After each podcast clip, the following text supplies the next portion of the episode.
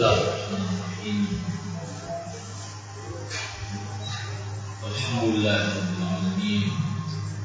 والصلاة والسلام على أشرف الأنبياء والمرسلين محمد وآله الطيبين الطاهرين. اللهم صل على محمد وآل محمد. الإمام الحسن سلام الله عليه. لا تزال غلامته قائمة بمعنى أنه لم يعرف إلا من خلال أخبار كتبها وروجها أعداؤه لتشويه أعظم إنجاز قام به في هذه الأمة. وهو الإصلاح العظيم. هذا الإصلاح لو أن قرآنا نزل أو ينزل يتحدث أو يسمي هذه الواقعة لسماها الفتح المبين. صلح سلم فيه ملك العراق إلى معاوية. مع ذلك هذا الصلح الذي روحه التنازل المشروع عن السلطة هو فتح عظيم.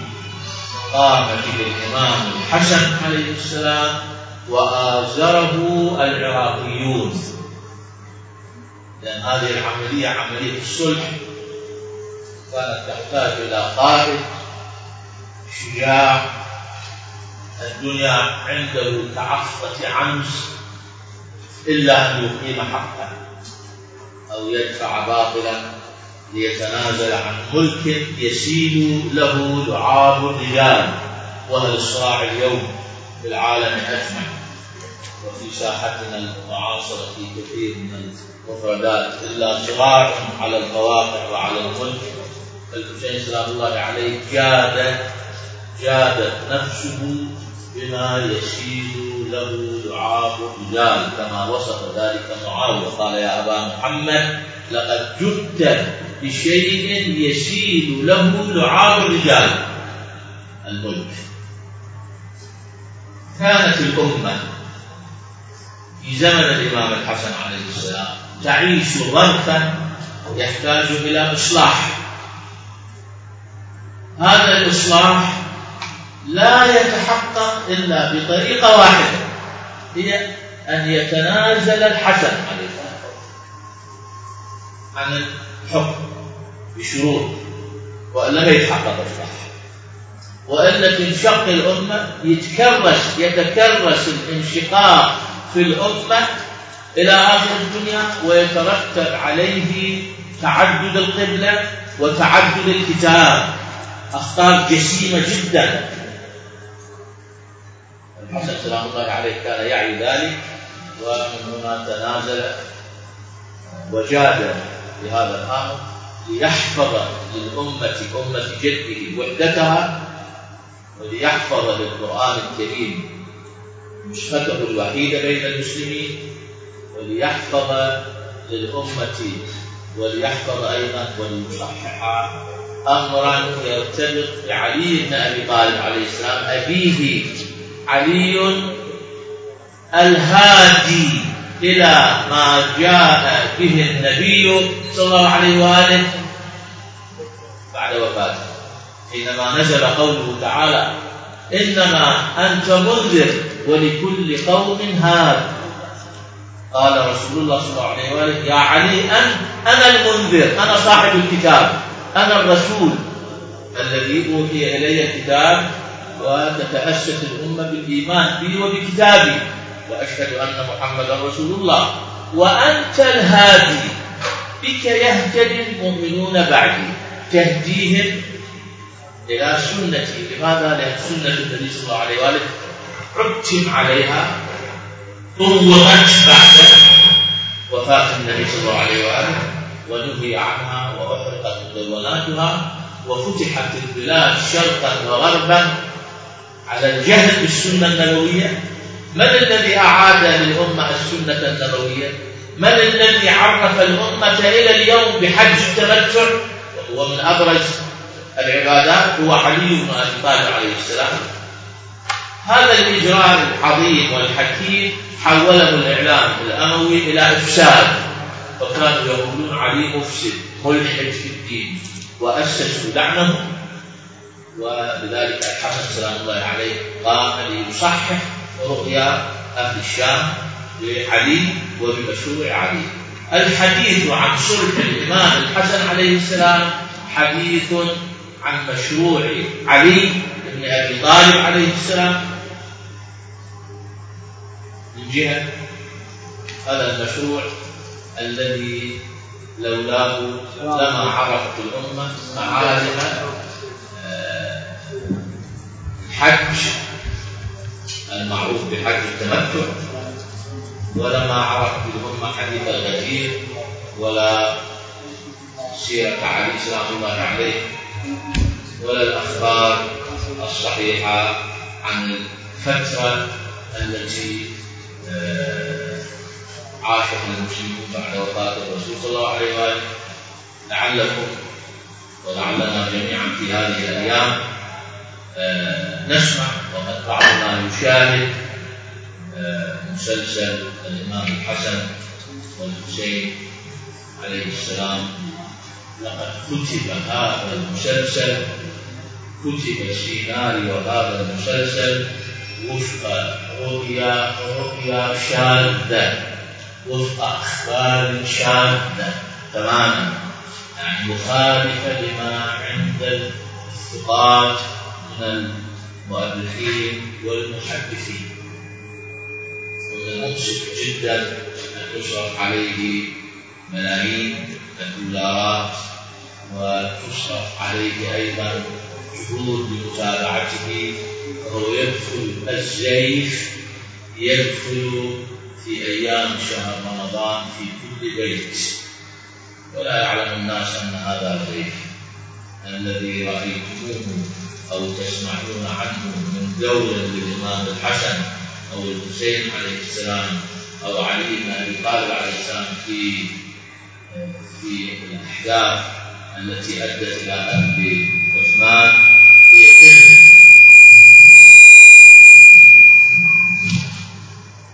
علي سلام الله عليه.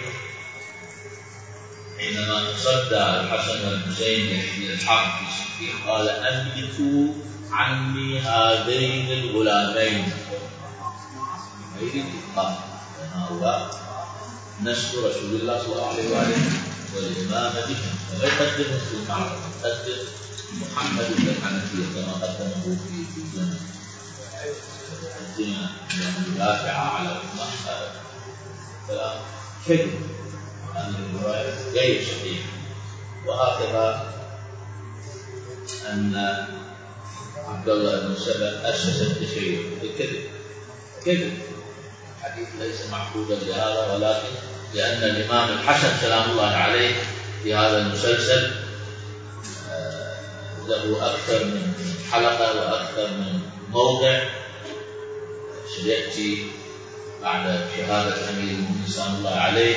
كيف أن الحسن صالح معاوية؟ لأن جيش العراق جيش الكوفة مليء بالخيانات ولأن معاوية أفضل له منهم. كذب هذا كذب. قضية الإمام الحسن عليه السلام صلح الإمام الحسن سلام الله عليه اختلفه الكثير من الغموض ولعلها أعقد قضية في تاريخنا الإسلامي.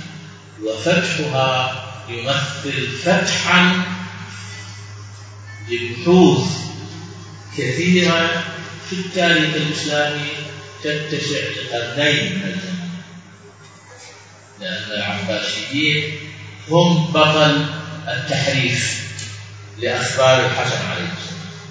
وذلك لأن العباسيون العباسيين كانوا قد بايعوا في مؤتمر الأبواء محمد بن عبد الله بن الحسن بن الحسن المثنى بن الحسن المثنى بن الحسن سلام الله عليه وفي ذلك في عنق البيعة فإذا ليس الحق أن يحكموهم بعد سقوط بني أمية من حقهم أن يسقطوا بني أمية أما من حق الحسن من حق الحسنيين وحق محمد بن عبد الله بن الحسن أن يفوا له ببيعتهم إياه ما وفوا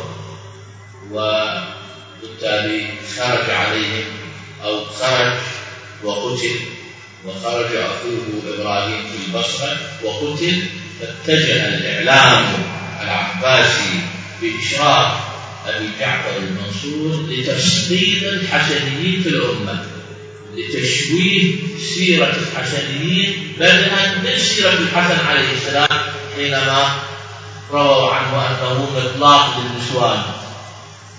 أحصى بعضهم 300 امرأة عليه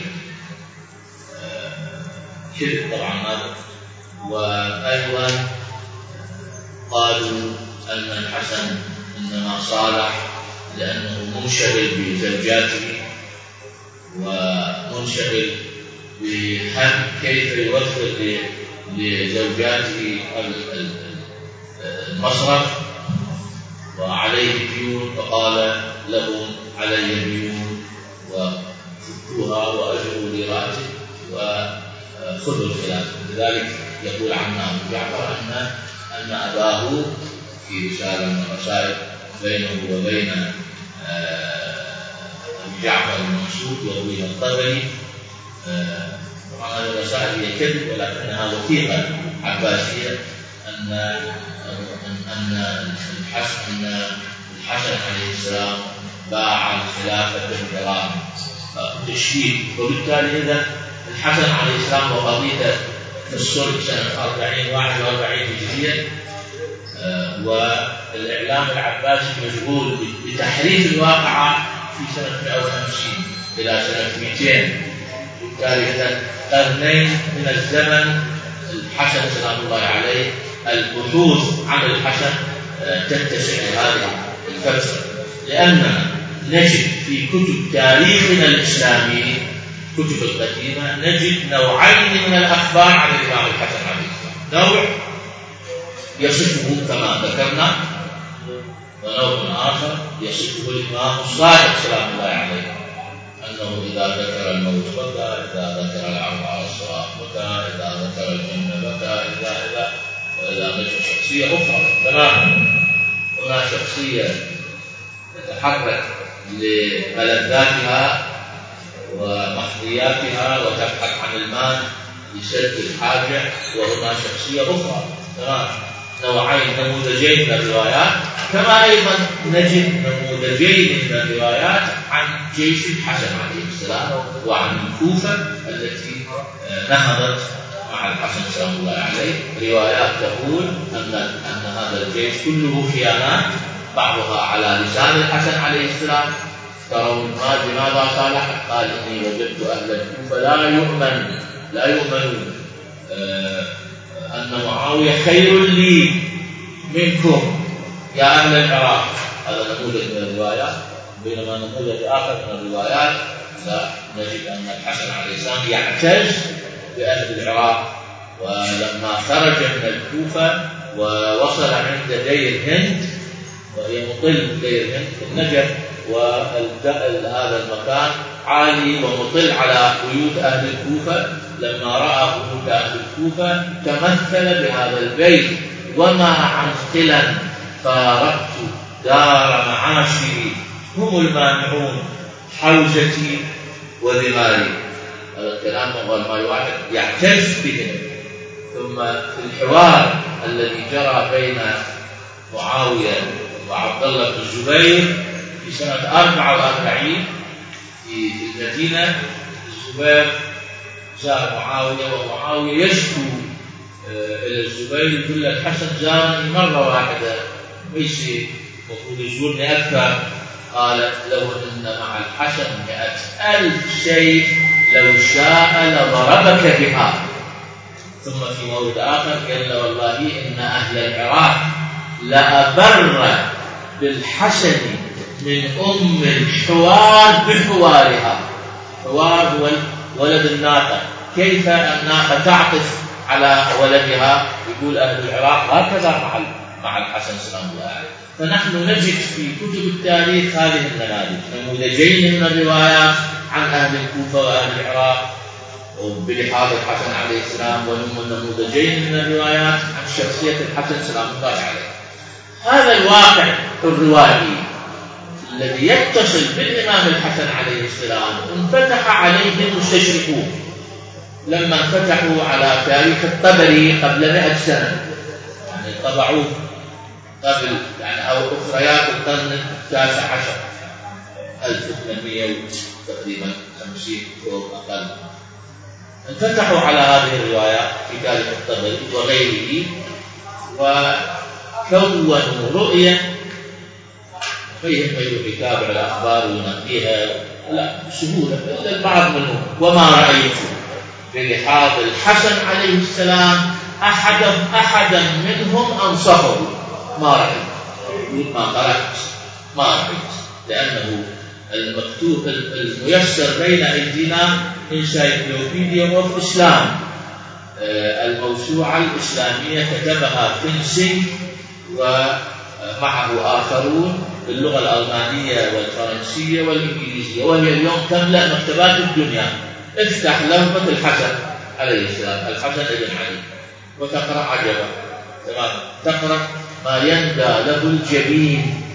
هذا إمامك يعني اليوم الإنسان الغربي سواء الأكاديمي التدريسي أو الباحث أو المثقف إذا أراد أن يعرف عن رموز الإسلام يجد لنا الحسن عليه السلام لأنه هذه الموسوعة الإسلامية التي ترجم منها تقريبا 15 مجلد فقط ووقف الترجمة. تقرأ عن ماكو غيرها أيضا في العالم. تقرأ عن الحسن عليه السلام وتقرأ كتابات لامنس وآخرين. نحن أحصيناها في كتابنا عن الإمام الحسن سلام الله عليه. آه الذي بينت الحسن ليس ابنا جديرا لعلي ليس رجل الساعة المطلوب. آه شخصيته أصلا ما كانت منسجمة مع أبيه علي عليه السلام.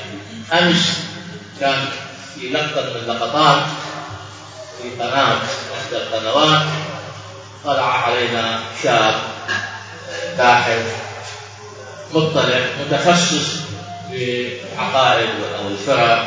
متخصص بقراءة كتب الشيعة.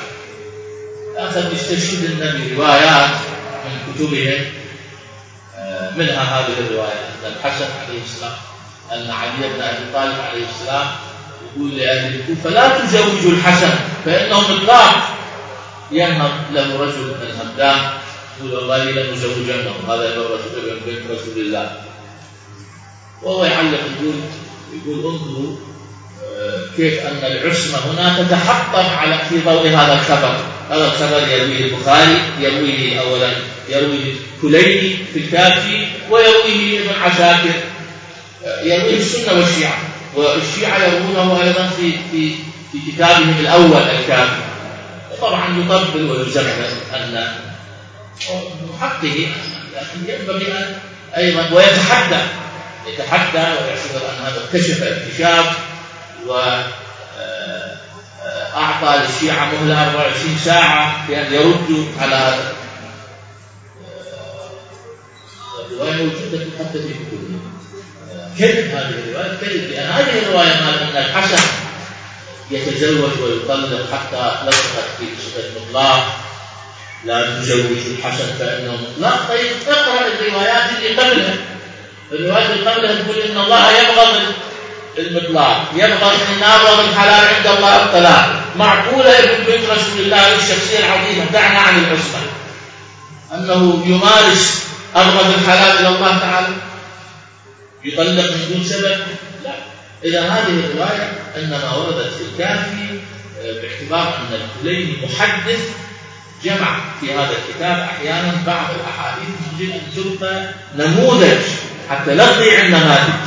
لا يضيع. حتى حينما نتحدث عن فترة من الفترات أن الحسن عليه السلام تعرض لتشويه أن فترة علي بن أبي طالب عليه السلام مشروعه الذي نهض فيه بإحياء سنة النبي صلى الله عليه وآله المعطلة حتى لنا واحد وين الأدلة وين الشواهد؟ فإحنا محفوظة شواهدنا في ذلك، يراد فقاهة، يراد لها دراية، وليس مجرد أن نقرأ الرواية في كتاب من كتب الشيعة أو كتب السنة علينا أن نرفع، لا ينبغي أن نفقه ونسلط المنهج العلمي لمناقشة هذه الرواية، مجرد ورود الرواية في الكافي لا يلزم الشيعة بها، وكذلك مجرد ورود الرواية في في كتب السنة لا يلزم السنة بها. يعني ينبغي أن نكون موضوعيين. علينا أن ندرس الأصول والمتبنيات للمدرسة السنية والمدرسة الشيعية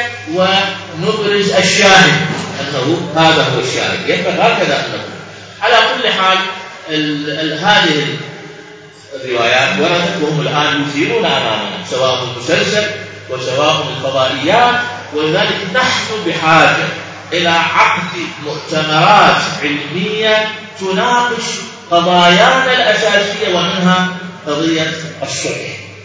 والحمد لله العمل الصالح ينمو هذا المهرجان كما عرفت آه، أنه هو إحياء لعمل صالح قبل كم سنة؟ الستينات من أوائل الستينات لمجموعة طيبة. الآن ينهض أبنائهم. لإحياء هذا العمل وتدعمهم العتبة العباسية. وأيضا نحن في خدمتهم في دعم هذا المشروع. أنا العام الماضي كنت قد عرضت فكرة على بعض المعنيين في هذه البلد. المنطقة الطيبة أن نحيي مؤتمرا أكاديميا حول الإمام الحسن عليه السلام. ولكن الأمور مرون بأسبابها وفاز بها هذا المهرجان وإن شاء الله جهدنا نفض الغباء الغبار عن عن هذا التاريخ. المشرق لأبي محمد الحسن سلام الله عليه إن شاء الله ينطلق من الحلة إن شاء الله من الحلة إلى العالم وليس فقط إلى العراق. آه، المستشرقون أطبقوا على تقديم الحسن عليه السلام برؤية سلبية. لامنس واعتمدوا على كتابة لامنس وهو مستشرق آه، عبد الرحمن بدوي نفسه اللي هو موجب مدح الآخرين ولكن أثاره لا منش قال بتعصب تماما آه، والمعلق على الترجمة العربية الأولى آه، علق أيضا على البحث وقال هذا غير يتناسب مع شخصية الإمام الحسن عليه السلام باعتباره ابن النبي صلى الله عليه وسلم. آه، المستشرقون إذا بعامة قدموا لنا الحسن بصورة الآن الحسن سلام الله عليه يستغيث ويناشد كل مناصر كل شيعي يؤمن به كإمام يناشده أن يدافع عنه. ولذلك هذا المهرجان هو ليس مهرجان لثلاث أخوة أو أربع أخوة هذا مهرجان إن شاء الله يكون الحلة وراءها أبناء الحلة الفيحاء أبناء بابل الكبيرة والعظيمة. بابل ليست كما قلت بابل نبوخذ نصر وإنما هي بابل إبراهيم. والحسن عليه السلام من عترة إبراهيم من بقية إبراهيم. شوفوا مشروع إبراهيم. إبراهيم هاجر من العراق. بعدين من بابل ورجع بعد سقوط الدولة الأكيدية وخلف ولده إسحاق هنا في بابل في غرب الفرات وخلف إسماعيل. على أن يعود مرة أخرى أبناؤه إلى هذه البلدة. آه، حتى التاريخ يكتمل لأن التاريخ يرسمه آه، إبراهيم كدولة الدولة الأخيرة. إبراهيم الأصل والمذكور من ولديه إسحاق ويعقوب. المذكور من ولده إسحاق هو عيسى عليه السلام. والمذكور من ولده إسماعيل هو المهدي سلام الله عليه. وكلاهما في نهاية المطاف واكتمال المشروع بخطيه يستقران في هذه المنطقة طبعا. في ظهر الكوفة في النجف. من أجل أن يعلن عن اكتمال مشروع إبراهيم. طيب ما بين انطلاقة المشروع على يد إبراهيم وختام المشروع على يد المهدي سلام الله عليه وعيسى المهدي ابن فاطمة وعيسى ابن مريم آه، الوسط من الذي من يملأ الوسط؟ علي بن أبي طالب عليه السلام. علي بن أبي طالب وقبل محمد صلى الله عليه وسلم محمد وعلي. أبوا هذه الأمة. قدر الله تعالى لعلي أن يهاجر إلى العراق يأتي إلى أرض أبيه إبراهيم ويؤسس ويحيي في الحقيقة مشروع إبراهيم في العراق. وإذا كان المهدي في آخر الزمان وعيسى وعيسى في آخر الزمان يرجعان إلى العراق بناء على اكتمال نضج حركة علي بن أبي طالب عليه حركة ابن إبراهيم حفيد إبراهيم. هذه معالم عامة بحاجة إلى إلى آه، كلها أبحاث بحاجة إلى بسط آه، المهم إذا المستشرقون بعامة رؤيتهم سلبية وتحتاج هذه الرؤية إلى قلم. بل إلى باحثين بمختلف اللغات على الأقل على مستوى اللغة الإنجليزية والفرنسية والألمانية حتى تكون هناك حجة. لابد أن يسجل تسجل ملاحظة ويسجل هامش على الموسوعة الإسلامية. أنا أناشد جامعة بابل. ما أدري كم واحد من الإخوان من جامعة بابل ما أدري. ولكن أنا أناشد جامعة بابل. من رئيسها الآن ما أدري إذا هو نفس الدكتور نبيل أعرج أناشده إن كانوا إن كان يهز ضميرهم الاعتداء على الأئمة. الحسن عليه السلام اعتدي عليه. اعتدي عليه من زمن بن العباس اعتداء خاص إعلاميا غير الاعتداء بالسم. اعتداء بالسم سنة خمسين ولكن اعتدي عليه إعلاميا. وجدد الاعتداء الإعلامي. لا عن قصد. ما أقول أن المستشرقين خبثاء كلهم. لا. ولكن بالأخير تجددت هذه الظلامة من خلال جهودهم المضنية التي عكسوها في الموسوعة الإسلامية. Encyclopedia of Islam. من الذي من المسؤول عن الدفاع وعن عن التسجيل ملاحظة عن هذا الكتاب في العالم. أنتظرها ممن قام بمسلسل الحسن والحسين لا. أنتظر بمن صرف على المسلسل ملايين الدولارات لا. أو بمن يرحب بهذا المسلسل ويراه هو الحقيقة؟ لا. المعول عليكم. الحلة فيها جامعة من أكبر الجامعات والحلة الفيحاء فيها مثقفون فالمسؤولية عليكم. إن شاء الله. وأنا بخدمة أي مجموعة تريد أن تقدم شيئا أنا حاضر أتعاون معها. أنا عندي شغل عشرين سنة مضت حول الإمام الحسن سلام الله عليه وكتابي آه، خلال هذه العشرين سنة يعني يكون قد كمل وإن شاء الله وأدعو الله تعالى أن نوفق لطبعه في هذه الأيام. هذا إذا لابد لنا من تسجيل ملاحظات علمية وإصدار كراس علمي أنا أقدر أسوي هذا أسوي تعليق على على ترجمة الإمام الحسن لكن ما أريد أكون شخص واحد. أن يكون شخص واحد. الموسوعة الإسلامية شوفوا كم كتبها كم سهر عليها كم اشترك فيها. فإذا لابد من تظاهر. الرسالة الجامعية حينما يرد على رسالة جامعية لا يرد على شخص الكاتب. الكاتب والمشركين والجامعة القشر والجامعة التي يقرأها. هكذا. في مرة من المرات هناك رجل في جامعة الإمام ابن سعود آه، كتب رسالة ماجستير بعنوان عبد الله بن سبأ يرد على كتاب عبد الله بن سبأ للعلامة العسكري. فأنا رددت عليه وقلت في المقدمة أنه ليس مسؤولية هذه الرسالة يتحملها فقط الكاتب سليمان العودة وإنما من هو المشرف عليه؟ من هو القشر من هي الجامعة؟ كلهم يتحملون إذا كانت الرسالة تحتوي على زيد وطبعا بها زيد وبها إيهام لأنه مرات الخبر ينشره تقرأه في خمسين كتاب. ولكن أنت حينما تبدأ تفحص هذه الكتب المتأخرة. تفحص مثلا وإذا تجد عشرين كتاب متأخر أخذها عن عشرة كتب متقدمة عن عشرة أخرى أسبق منها وبالأخير ترجع إلى واحد. هذا ما يسموه خمسين كتاب خمسين مصدر. هذا يقولون الرواية من أصل واحد وانتشرت. ما لها قيمة هذا. هذا لا يشكل إجماع. يعني عبد الرحمن بدوي في كتابه مقالات مذاهب الإسلاميين موجود على الإنترنت بي دي اف موجود.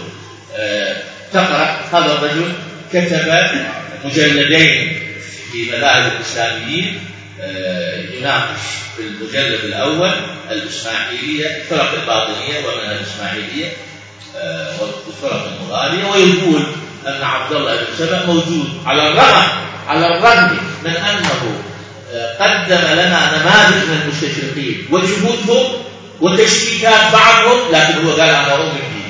أنا اخالفهم فهو يؤمن بعبد الله بن سبع ويؤمن أن التشيع أصلا عبد الله بن سبع هو شو يقول؟ يقول وجود عبد الله بن سبع أجمعت المصادر التاريخية على عليه. وين تعالى أجمع؟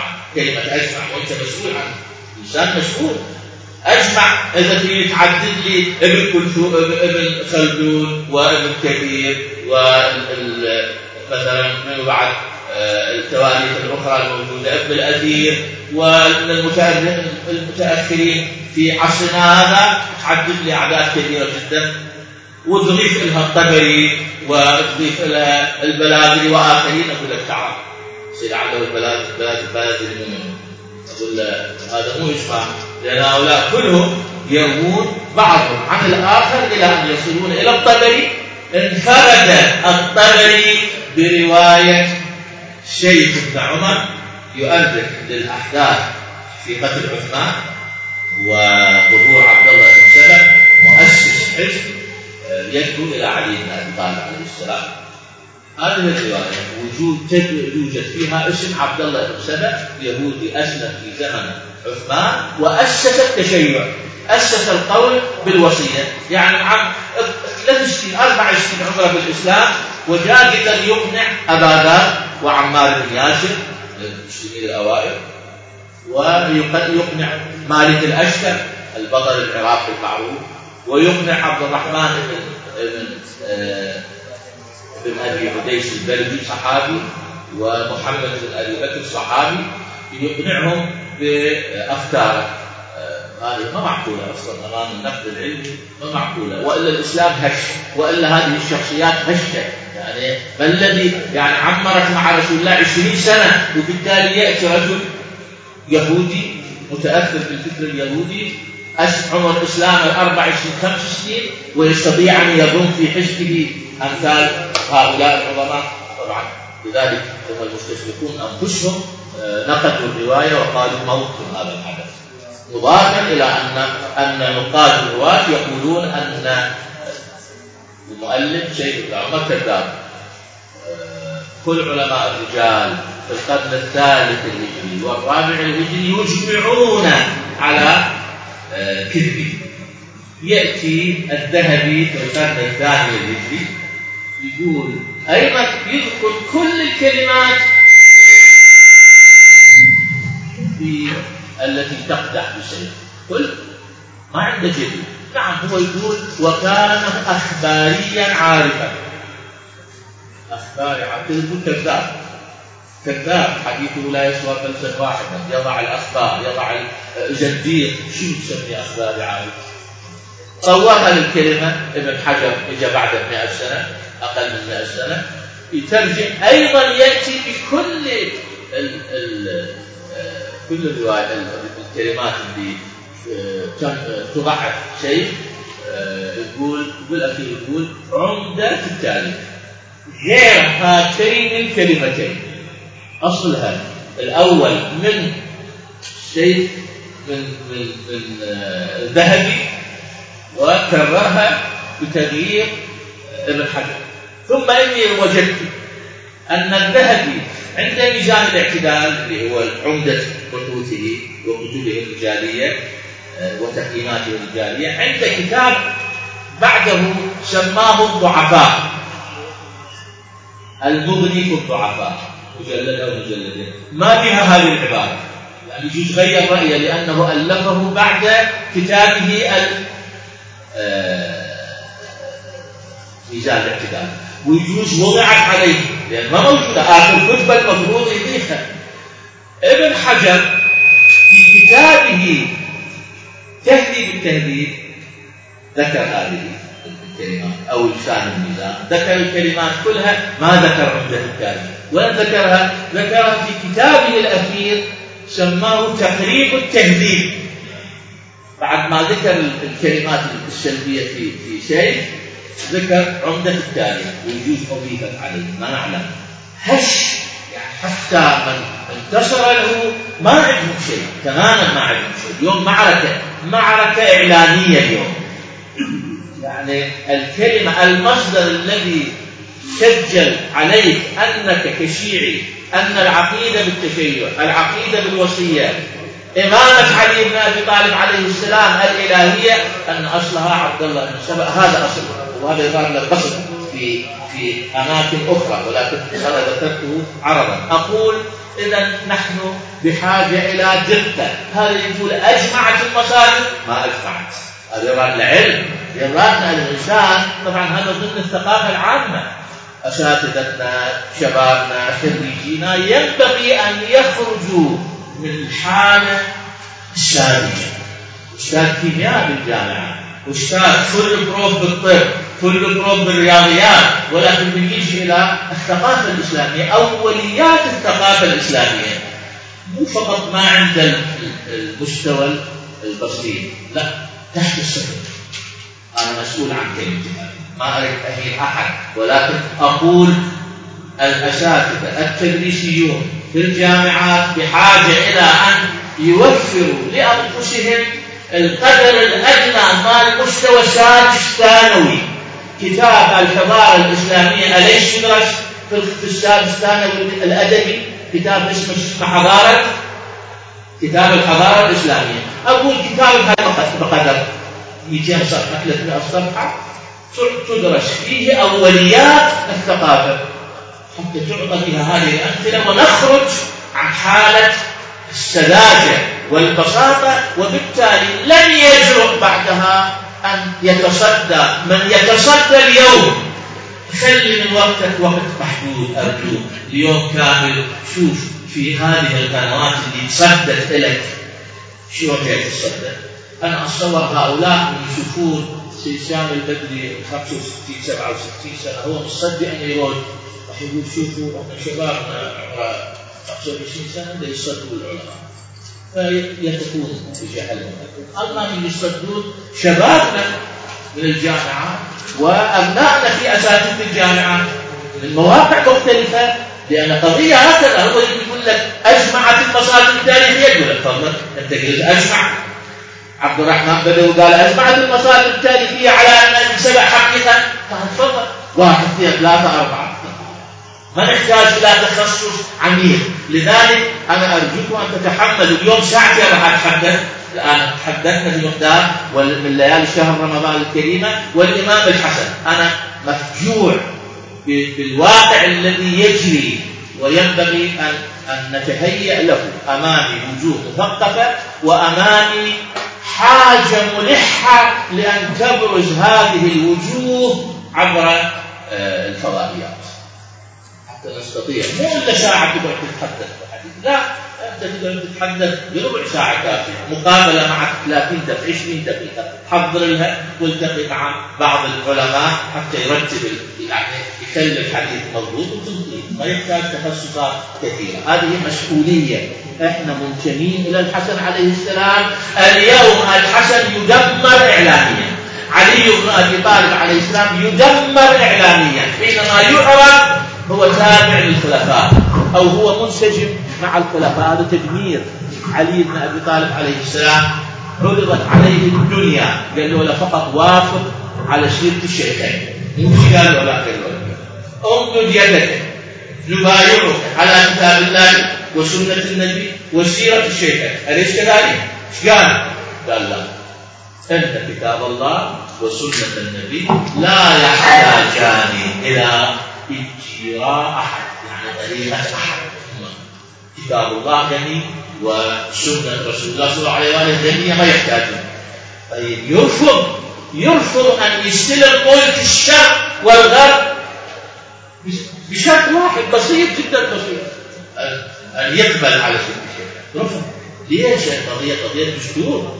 البيعة تكون على أساس دستوري والدستور الذي أسسه محمد صلى الله عليه وآله وسلم للأمة والحكومة الإسلامية في الأمة أن يبايع الحاكم على كتاب الله وسنة نبيه.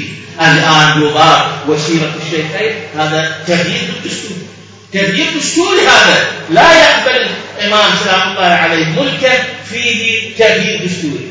تمام؟ رفضه رفضا. كاملا ومن هنا تبدأ يبدأ مشروع علي سلام الله. عليه هذا كان مقدمة. أنا أريد أن أحضر الأجواء. الآن حتى نحن نفهم مشروع الحسن عليه السلام صلح الحسن سلام الله عليه. علينا أن نبدأ من آه، من هذا الأساس. بيعة رفض علي عليه السلام. أن يبايع على سيرة الشيخ رفض وقال عثمان أنا حاضر. وقامت الدولة الأموية. خطأ. نحن ندرس ونقول الدولة الأموية مؤسسها معاوية خطأ هذا. خطأ فاحش. الدولة الأموية مؤسسها عثمان. عثمان. عثمان من أجمع الصحابة على أن عثمان. طبعا غير غير بني أمية. بني أمية أكو صحابة معاوية صحابي وخالد بن سعيد بن العاص صحابي وآخرين من بني أمية صحابة الصحابة الآخرون من قريش وغيرها قالوا أن أن عثمان سار مسيرة أبي بكر وعثمان في السنوات الأولى ثم خالفها. وكيف خالفها؟ لأنه خالفها في أمرين أساسيين في الولايات حصر الولايات بأسرته بني أمية. صارت دولة بني أمية وفعلا أنت تأخذ البلاد من سنة أيام عثمان من سنة 25 27 من 27 بالضبط. إلى قتل عثمان سنة 35 لم تجد والي على ولاية إسلامية إلا من بني أمية. الولاية بني وتجد الصحابة مضطهدون معتقلون مشردون منفيون. نفي مجموعة من الصحابة تنفى إلى الشام ينفى إلى الربدة فدولة أمية هي دولة دولة أموية تماما. فالمؤسس لدولة بني أمية هو عثمان. ومعاوية إنما أراد أن يحيي دولة بني أمية. هذا أصل حتى نفهم الصلح بين الحسن عليه السلام. وبين معاوية. هذا أصل من الأصول. لازم يبقى بالذهن.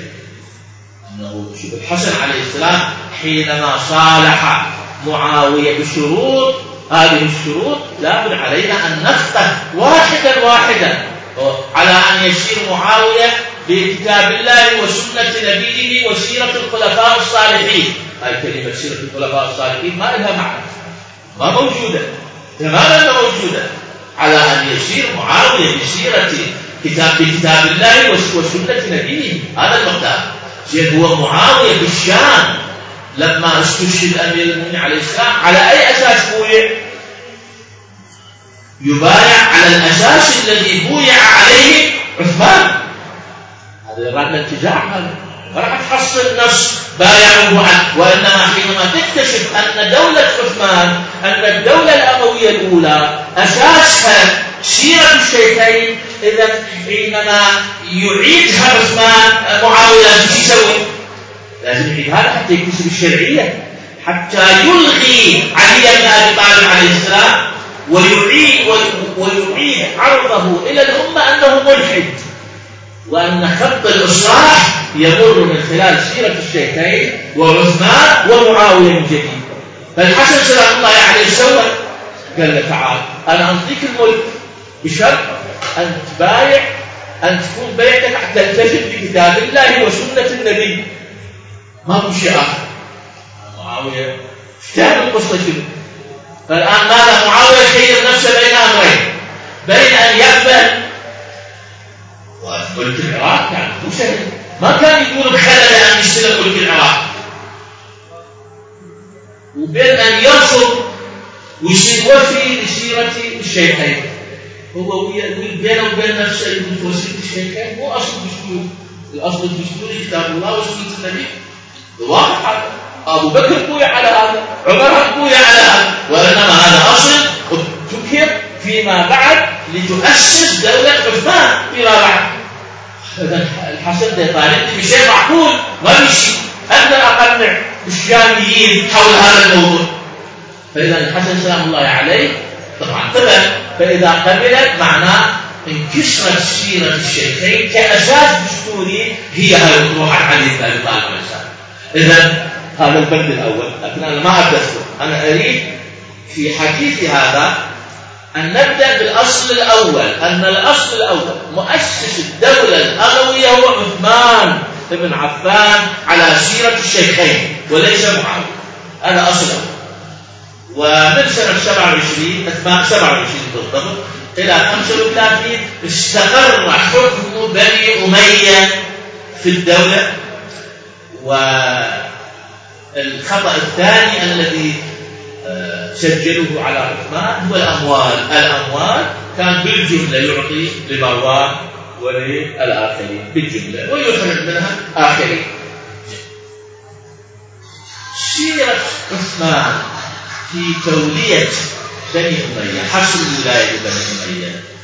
وفي المال يشوفه سواء حاج عمره بسفر لقاء صدفة يحرش على عثمان. حتى لما وصله خبر قتل عثمان كان فلسطين وصل وصل خبر أنه عثمان قتل. نفق صدره وقال أنا أبو عبد الله ما حكت فرحة إلا ونكأتها. يعني أنا البادئ بتحريش الجماعة على عثمان نجحت. ما حكت فرحة إلا ونكأتها. هذا أول واحد. وثاني واحد طلحة ثالث واحد الزبير رابع واحد أم المؤمنين. عائشة سجل كتب التاريخ كتب التاريخ. غير اخو عندنا كتب التاريخ شكلين مستويات كتب التاريخ موسوعات مثل الطبري موسوعة. البلاغي موسوعة. واكو عندنا مصادر الموسوعة اللي قبل الطبري. مثلا الطبري يروي عن الواقف هذا يعتبر أصل من الاصول يعني كتب اصول يسمونه مثلا ابن شبه أصل من الاصول قبل الواقف مثلا أبو مخنف مثلا سيد بن عمر. هذول كتبوا بعضهم يكتب كتاب واحد أو كتابين مثل سيد بن عمر. كتب كتابين كتاب في في حروب الردة والفتوح وكتاب في حرب الجمل ومسير علي وعائشة. متخصص بكتابين فقط. يعني هاي الفترة اللي من 11 هجرية إلى سنة 35 هجرية. ما كتب واكو واحد كتب 20 كتاب أو 100 كتاب مثل الواحد فيجي الطبري توفي في 310 هجرية. فينظر لهذه الكتب اللي قبله يبدي يالف منها موسوعه إحنا نجي لهذه الأصول. يسموها أصول وموسوعة. فإذا كتب الأصول اللي هي قبل الموسوعة. كتب الأصول ما عدا أصل السيف ابن عمر. ما عدا يعني السيف كفه والمؤلفون اصحاب الأصول بكفه أخرى. أصحاب الأصول يقولون الذي ثار على عثمان وحاصر عثمان طلحة والزبير وعائشة وأشدهم كان طلحة. وكان يرمي سهم وقطع عن الماء. ومن من حزوا رأس عثمان جابوا قالوا له يعني كلها غابرة والدليل على ذلك أن مروان ضربه بسهم وقتله وهو مع عسكر واحد. وقال أنا بعد ابتغي بثأري بعد اليوم. بينما سيف يقول لا هؤلاء كلهم كان كل واحد بيته خايفين من الحزب وجوا على على عثمان قالوا له إحنا حاضرين ستة. قالوا لا كل واحد في بيته. أنا مالي تراب في أمري محجم التدان واللي قتل عبد الله بن سبأ وجماعته وفلان وفلان. غير الحقيقة. وصار هذا الكتاب الشاذ اللي يروي كذاب. صار هو الأصل لأن اعتمد عليه الطبري. شوفوا جناية الطبري في التاريخ وعن الطبري أخذ ابن الأثير وعن ابن الأثير وأخذ ابن كثير وأخذ ابن خلدون وأخذ وأخذ هذا مش أعظم أكذوبة في تاريخ الإسلام هو ما يطرح في مسلسل الحسن المسلم. أعود مرة أخرى فإذا طبعا هذا المسلسل كتب حتى يغير الحقائق. فإذا على عثمان عندنا منشقون من قريش. قريش حزب حاكم من بعد وفاة النبي صلى الله عليه وآله. قريش أمير المؤمنين عليه السلام يقول ما لي ولقريش. قاتلتهم. شنو؟ مشركين ولو قاتلنهم مفتونين هذا النبي صلى الله عليه وسلم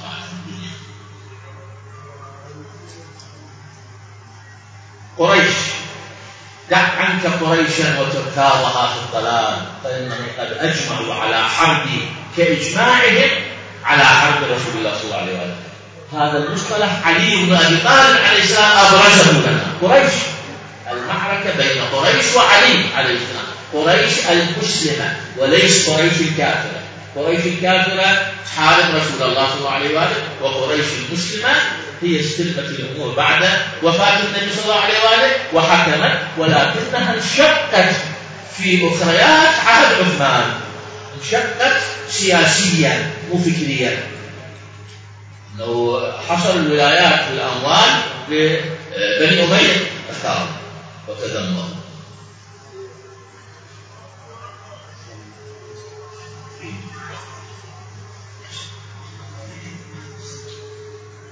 إلى هنا ناخذ لنا خمس دقائق للاستراحة وأقل بعض الإخوان ما مرتب نفسه أن يدعو في قاعدة طويلة حتى نبدأ بالمشروع الثاني. المشروع الثاني أنه أكو حركة ثانية في المجتمع. إلى جنب الحركة السياسية ضد عثمان اللي ما عندها خلاف وإياه في سيرة الشيخين. هاي الحركة الثانية اللي يقودها طلحة والزبير وأم المؤمنين. هناك حركة يقودها علي بن أبي طالب عليه السلام. لابد أيضا أن نتحدث عنها ربع ساعة حتى نقدر نواصل صلح الحسن عليه السلام ومشروعه الكبير.